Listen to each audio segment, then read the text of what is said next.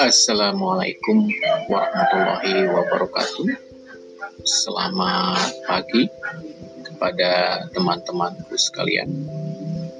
Eh, pada sesi ini saya akan menyampaikan satu gagasan tentang bagaimana penilaian pada pembelajaran terpadu sebelumnya kita sudah membahas apa itu pembelajaran terpadu dan bagaimana pembelajaran terpadu itu dilaksanakan serta aneka ragam pembelajaran terpadu dan bagaimana pembelajaran terpadu itu uh, didesain. Selanjutnya yang satu hal yang penting adalah untuk melihat sejauh mana uh, pembelajaran terpadu itu baik proses maupun hasil kita memperoleh umpan balik. Ya, umpan balik atau yang dikenal dengan evaluasi assessment penilaian atau lain sebagainya. Dalam pembelajaran terpadu itu ada yang dikenal dengan penilaian autentik. Kita kenal autentik itu bahasa umumnya adalah original asli. Apa maksudnya adalah dalam penilaian autentik ini adalah satu proses untuk mengumpulkan informasi oleh guru tentang perkembangan pencapaian pembelajaran yang dilakukan oleh siswa melalui berbagai macam tahap teknik yang mampu mengungkapkan, membuktikan, menunjukkan secara tepat bahwa tujuan pembelajaran atau kompetensi benar-benar telah dicapai oleh atau dikuasai oleh siswa. Selanjutnya, bisa saya simpulkan bahwa penilaian autentik guru menilai kemampuan siswa apa adanya sesuai dengan apa yang dilakukan siswa sebab proses pembelajaran yang dilaksanakan adalah pembelajaran aktif dan inovatif serta berpusat pada siswa atau kita kenal dengan student center. Teman-teman yang saya muliakan, pada persiapan saat kita menilai autentik, tentu pertama adalah memahami prinsip-prinsip penilaian autentik lalu bentuk-bentuk penilaian autentik di sekolah dasar, lalu tujuan dari penilaian autentik, manfaat autentik. Nanti bagaimana contoh-contohnya untuk menilai sikap, pengetahuan, dan keterampilan. Ketiga taksonomi, ketiga ranah, ketiga domain itu yang menjadi pusat perhatian dalam penilaian autentik, sikap, pengetahuan, dan keterampilan. Langkah pertama adalah tentu kita mengidentifikasi aspek-aspek mata pelajaran apa yang terintegrasi. IPA, matematika, bahasa Indonesia, seni, uh, dan lain sebagainya. Itu sudah uh, kita lakukan. Yang kedua menyusun rubrik. Rubrik itu semacam uraian semacam satu usaha untuk membuat menjadi lebih terang, lebih jelas, menjadi lebih deskriptif. Jadi rubrik itu penting untuk menilai sikap, umpamanya menilai sikap eh, kemampuan anak eh, bekerja sama. Bekerja sama ini masih terlalu umum dan abstrak. Apa yang dimaksud dengan kerjasama? Mungkin satu kerjasama dimaksud adalah siswa berinisiatif dalam mengajak kawan-kawannya untuk membantu satu pekerjaan secara bersama atau seorang siswa dapat uh, menunjukkan sikap menerima pendapat kawan-kawannya. Jadi kerjasama itu kita breakdown, kita pretelin menjadi lebih spesifik. Itu yang namanya rubrik. Nah rubrik itu untuk sikap pengetahuan, dan keterampilan. Juga sama, kita perlu mengintegrasikannya. Nah, yang terakhir adalah tahap terakhir adalah membuat pelaporan. Pelaporan hasil penilaian. Pada tahap identifikasi, saya lebih uh, jelaskan kembali adalah menilai, mengidentifikasi maksud saya aspek-aspek mata pelajaran untuk setiap KD kompetensi dasar. Kita analisis lalu menyusun pemetaan kompetensi dasar pada setiap tema sesuai dengan aspek mata pelajarannya. Jadi pada uh, posisi ini kita diminta untuk mengidentifikasi lalu membuat breakdown dari satu mata pelajaran kompetensi-kompetensi apa aja sih yang diperlukan. Nah, itu memang kemampuan seorang guru SD dalam uh, kreatif, dalam mengeksplorasi aspek-aspek apa sih yang harus kita lihat dari setiap anak? Apakah sesuai tidak sesuai? Apakah ini akan mudah dicapai akan cukup dicapai atau sulit dicapai? Apakah ini yang menjadi target tujuan dari setiap mata pelajaran atau tujuan dari setiap pembelajaran uh, kita bisa membuat lembar kerja atau dulu bahasa waktu kita sekolah itu adalah LKS ya LKS itu juga uh, banyak disalahartikan oleh guru-guru pada umumnya adalah seolah-olah membuat soal. Bukan, LKS itu adalah semacam satu kegiatan-kegiatan yang terprogram. Walaupun di belakangnya nanti ada soal tidak masalah ya, tapi bukan membuat kumpulan soal-soal, tapi kumpulan kegiatan-kegiatan tugas-tugas yang harus dilakukan oleh setiap siswa. Berikutnya adalah penyusunan rubrik tadi yang pernah di awal saya sampaikan. Bagaimana menyusun rubrik sikap tadi kerjasama ya. Bagaimana menyusun atau membuat rubrik untuk pengetahuan dan keterampilan ya.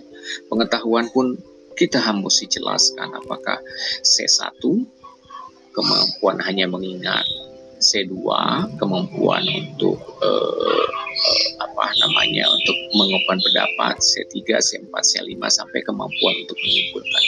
Dari C1 sampai C6 itu kan gradasi makin tinggi, itu makin berpikir tingkat tinggi. Lalu berikutnya adalah keterampilan. Keterampilan juga mana keterampilan itu di breakdown seperti umpamanya keterampilan dalam menari itu kan juga gerakan kakinya, koordinasinya, kelenturannya, eh, penghayatannya, eh, ayunannya dan lain sebagainya. Juga dalam bernyanyi, ya itu ada keterampilan-keterampilan. Nah, teman-teman yang saya hormati, berikutnya adalah pelaporan hasil setelah kita mengumpulkan seluruh data hasil penilaian, maka perlu mengelompokkan data hasil penelitian berdasarkan aspek-aspek mata pelajaran. Kita memang perlu kelompokkan ini aspek cocok penilaian untuk matematika, penilaian untuk IPS, bahasa Indonesia, dan sebagainya lalu menyusun deskripsi nilai. Nah, deskripsi nilai itu adalah eh, apakah itu masuk nilai aspek sosial, kalau sikap ya, apakah itu spiritual. Dan menetapkan predikat nilai. Ada gradasinya ya. Jadi semacam interval. Kalau Anda membuat skor tentang 0 sampai 100, 80 sampai 100 itu apa artinya? Kalau di kuan kualitatifkan A. A itu sangat baik umpamanya seperti itu ya. Kalau B itu atau baik itu berapa ya gradasinya? Kalau cukup itu berapa? Nah Anda silahkan Anda secara leluasa untuk membuat gradasi tersebut ya. Memang dalam pelajaran evaluasi itu ada eh, rumus-rumus yang lebih rumit ya itu bisa dipelajari nanti secara khusus pada mata kuliah evaluasi pendidikan. Lalu eh, bagi, bisa juga sih eh, apa mulai jadi latihan dalam mengisi eh, lembar-lembar eh, yang harus diisi. Nah, komponen dalam pelaksanaan otentik itu tentu dalam menilai itu kan yang dibutuhkan itu namanya standar. Standar anda bisa menilai bahwa tubuh saya ini tinggi, pendek, atau sedang. Itu kan ada standarnya ya. Nah, standar ini harus Anda tentukan. Itu namanya. Itu pernyataan tentang apa yang ingin ingin dari diri siswa itu diketahui dilakukan serta apa yang sesungguhnya yang kita nilai. Jadi sebelum itu kita perlu membuat standar tersebut. Berikutnya juga adalah pada pelaksanaan itu eh, kecerdasan kita sebagai guru adalah membuat tugas-tugas atau task. Tugas-tugas penilaian otentik sering disebut juga dengan tugas-tugas sebetulnya ya. Karena penilaian tersebut berisi tugas-tugas menyangkut tentang aplikasi dari dunia nyata yang kita harapkan untuk ditampilkan siswa uh, umpamanya Anda meminta siswa untuk melakukan satu project ya, satu project untuk mengamati satu uh, kondisi lingkungan alam sekitar di sekolah ya. Nah, tugas-tugas apa yang harus uh, siswa lakukan? Nah, itu Anda uh, apa tuliskan. Umpamanya siswa menuliskan siswa uh, berdiskusi, siswa uh, menyusun alat, siswa membuat laporan, siswa mengklasifikasikan. Silakan saja tugas-tugas apa yang ingin Anda uh, mintakan pada siswa. Nah tadi seperti yang pernah yang berkali-kali saya sampaikan adalah rubrik, yaitu guru mengembangkan rubrik atau dengan skala atau scoring ya, karena penilaian yang berdasarkan pada performansi tidak dapat dilakukan dengan tes tulis atau dengan mesin ya. Jadi harus dengan pengamatan, harus dengan wawancara, ya, harus dengan uh, siswa membuat karya sesuatu kan umpamanya.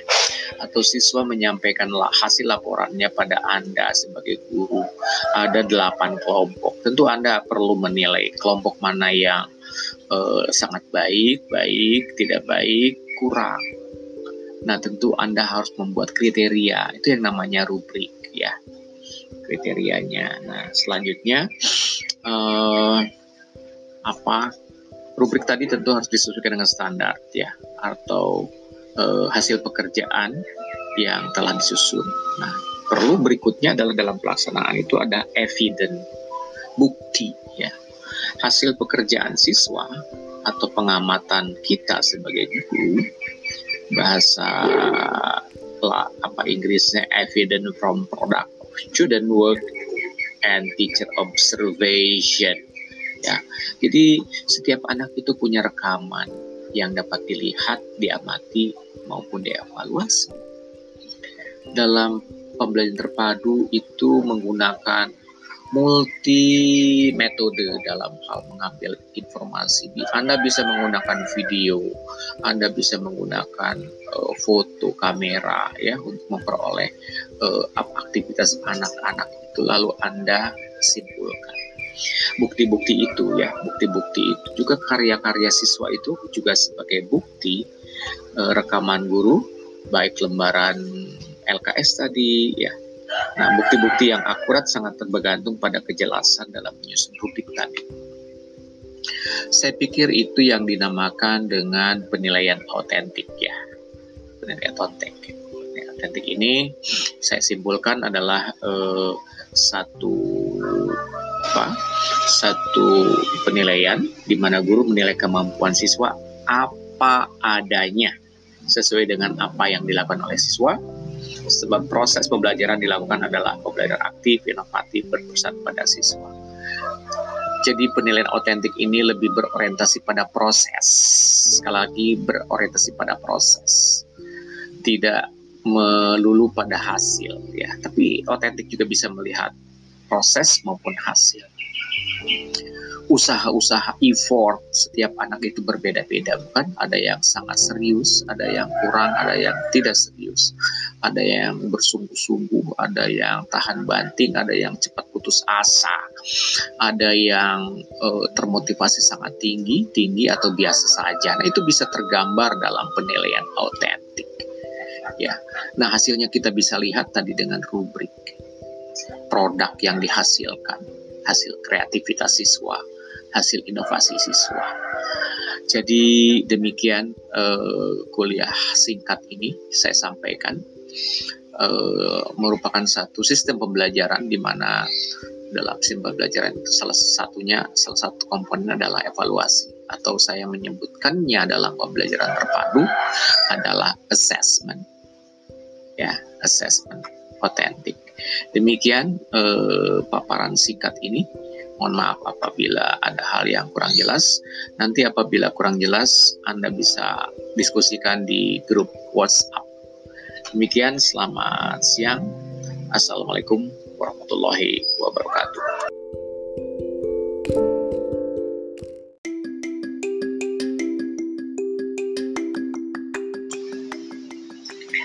Assalamualaikum warahmatullahi wabarakatuh.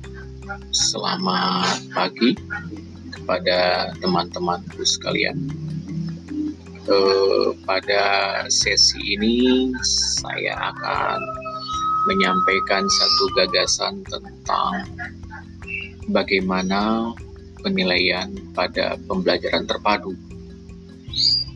sebelumnya kita sudah membahas apa itu pembelajaran terpadu dan bagaimana pembelajaran terpadu itu dilaksanakan serta aneka ragam pembelajaran terpadu dan bagaimana pembelajaran terpadu itu uh, didesain.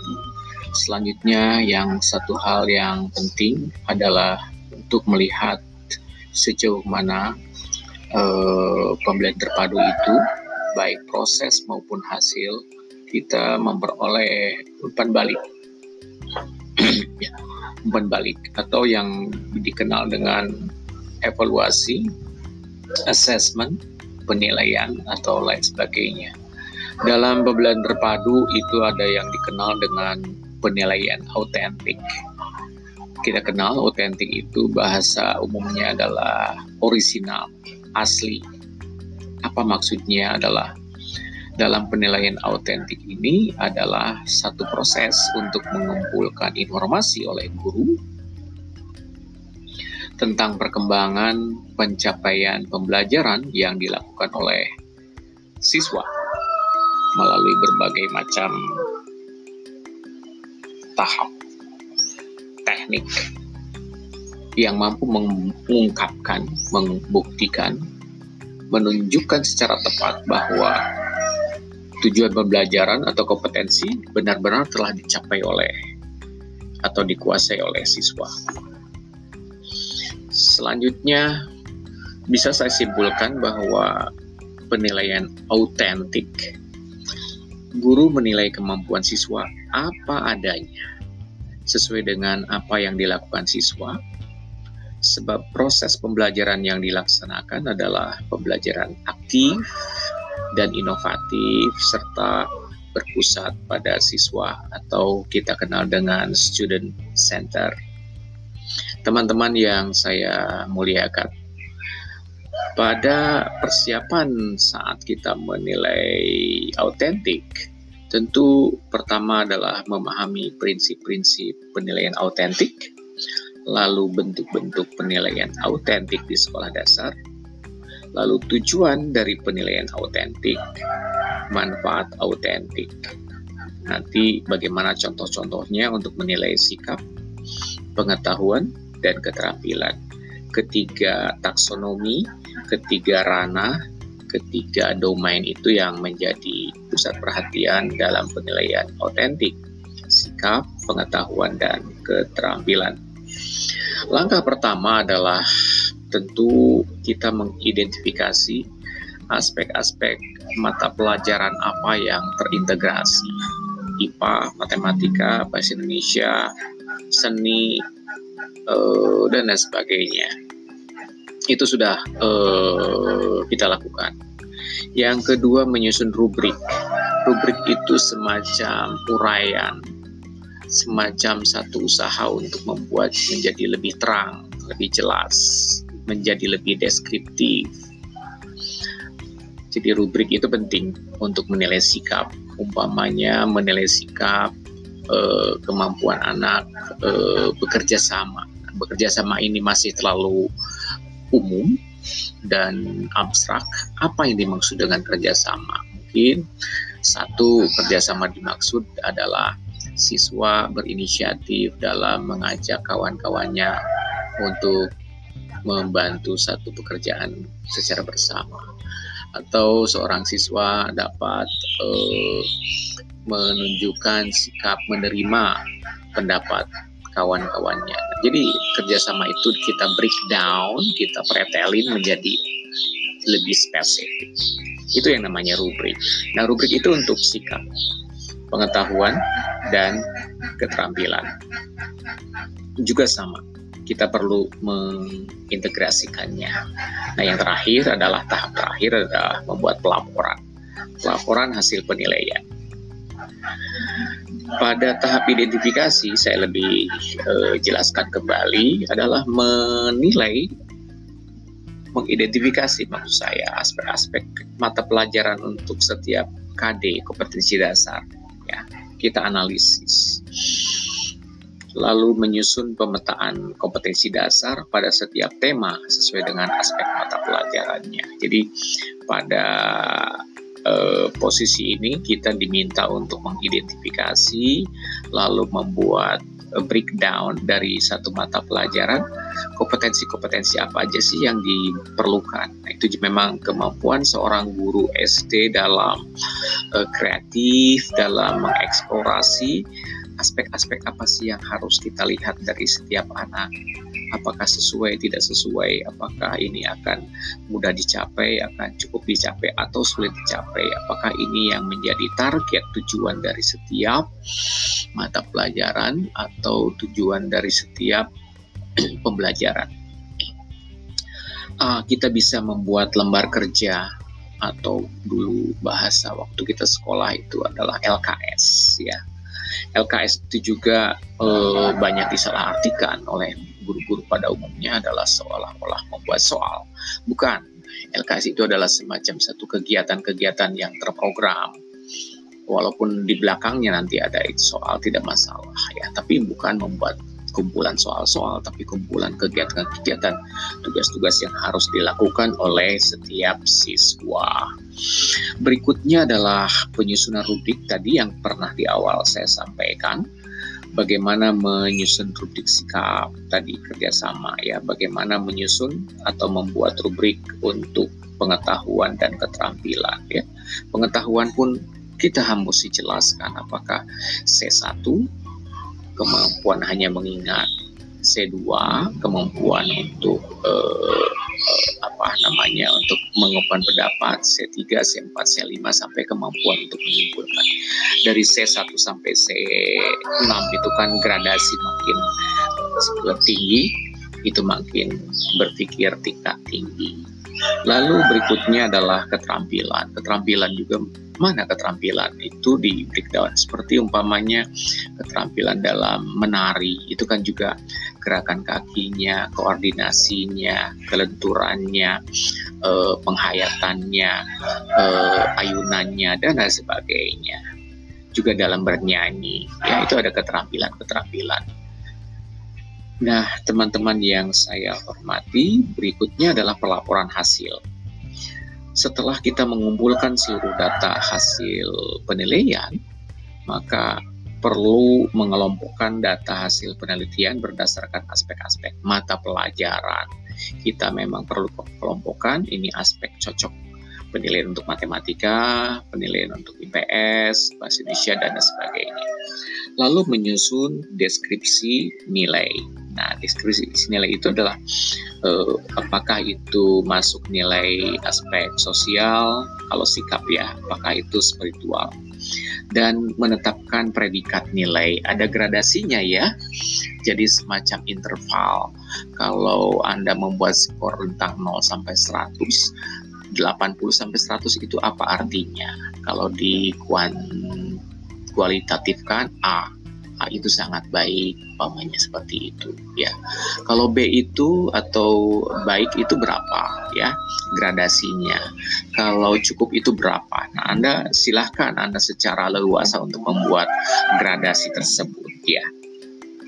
Memang dalam pelajaran evaluasi itu ada eh, rumus-rumus uh, yang lebih rumit ya itu bisa dipelajari nanti secara khusus pada mata kuliah evaluasi pendidikan.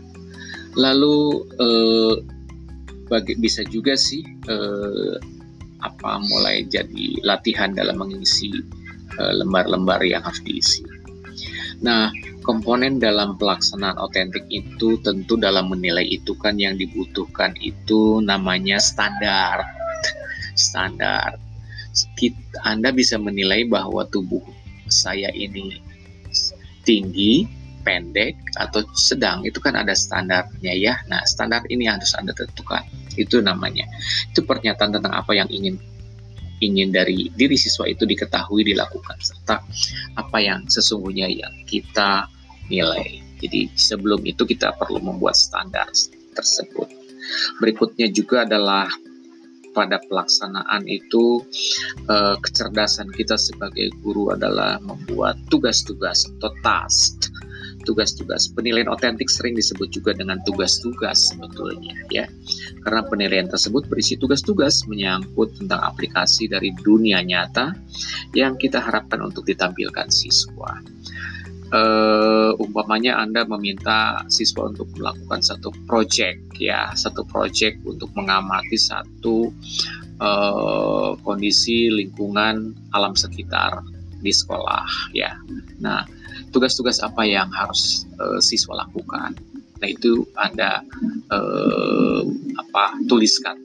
Umpamanya siswa menuliskan siswa uh, berdiskusi, siswa uh, menyusun alat, siswa membuat laporan, siswa mengklasifikasikan. Silakan saja tugas-tugas apa yang ingin Anda uh, mintakan pada siswa.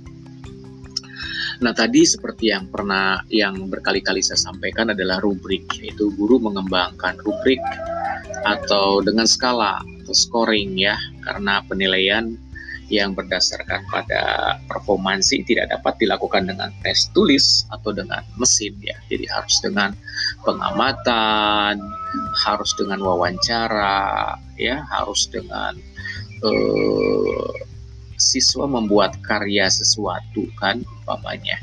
Atau siswa menyampaikan hasil laporannya pada Anda sebagai guru. Ada delapan kelompok. Tentu Anda perlu menilai kelompok mana yang uh, sangat baik, baik, tidak baik, kurang. Nah, tentu Anda harus membuat kriteria. Itu yang namanya rubrik ya. Kriterianya. Nah, selanjutnya uh, apa? Rubrik tadi tentu harus disesuaikan dengan standar ya atau uh, hasil pekerjaan yang telah disusun. Nah, perlu berikutnya adalah dalam pelaksanaan itu ada evidence, bukti ya hasil pekerjaan siswa atau pengamatan kita sebagai guru bahasa apa Inggrisnya evidence from product student work and teacher observation ya. Jadi setiap anak itu punya rekaman yang dapat dilihat diamati maupun dievaluasi. Dalam pembelajaran terpadu itu menggunakan multi metode dalam hal mengambil informasi. Anda bisa menggunakan video, Anda bisa menggunakan uh, foto kamera ya untuk memperoleh uh, aktivitas anak-anak itu lalu Anda simpulkan. Bukti-bukti itu ya, bukti-bukti itu juga karya-karya siswa itu juga sebagai bukti uh, rekaman guru baik lembaran LKS tadi ya Nah, bukti-bukti yang akurat sangat tergantung pada kejelasan dalam menyusun rubrik tadi. Saya pikir itu yang dinamakan dengan penilaian otentik ya. Penilaian otentik. Penilaian otentik ini saya simpulkan adalah eh, satu apa? Satu penilaian di mana guru menilai kemampuan siswa apa adanya sesuai dengan apa yang dilakukan oleh siswa sebab proses pembelajaran dilakukan adalah pembelajaran aktif, inovatif, berpusat pada siswa. Jadi penilaian otentik ini lebih berorientasi pada proses, sekali lagi berorientasi pada proses, tidak melulu pada hasil ya. Tapi otentik juga bisa melihat proses maupun hasil usaha-usaha effort setiap anak itu berbeda-beda bukan? Ada yang sangat serius ada yang kurang ada yang tidak serius. Ada yang bersungguh-sungguh ada yang tahan banting ada yang cepat putus asa ada yang uh, termotivasi sangat tinggi tinggi atau biasa saja. Nah itu bisa tergambar dalam penilaian autentik. Ya. Nah, hasilnya kita bisa lihat tadi dengan rubrik produk yang dihasilkan, hasil kreativitas siswa, hasil inovasi siswa.